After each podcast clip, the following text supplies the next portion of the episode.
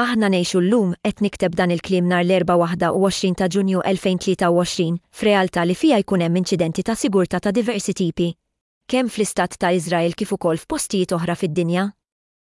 Meta persuna tiġi attakkata f'inċident bħal dan, hemm, kif nafu, tnejn tweġibiet possibbli.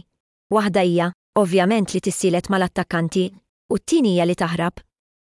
Ħlief li meta tiġi għal persuna b'diżabilità li ssib ruħha f'tali inċident. sitwazzjoni, ħafna drabi l-ebda waħda minn dawn iż-żewġ reazzjonijiet ma tkun possibbli, u b'hekk tinħoloq nassa tal-mewt. U barra minn hekk, għal ħafna nies b'diżabbiltà, id-diżabilità fiżika ma tippermettix lill-persuna li tbati mid-diżabbiltà li żżomm pistola għall-awtodifiża.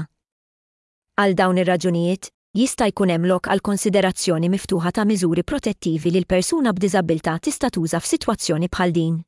u fuq is-suppożizzjoni li tali miżura protettiva, jekk u meta tiġi żviluppata, tista' wkoll tkun abbużata minn xi wħud mill-persuni b'diżabilità għax, kuntrarjament għall-istigma aċċettata, persuna b'diżabilità mhux dejjem hu amp u quot.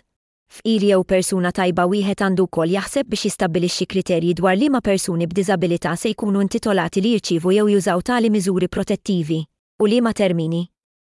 Il-kittieb huwa Asaf Binjamini, residenti tal-viċinat ta' Kirjat Menakem, f'Ġerusalemm Iżrael.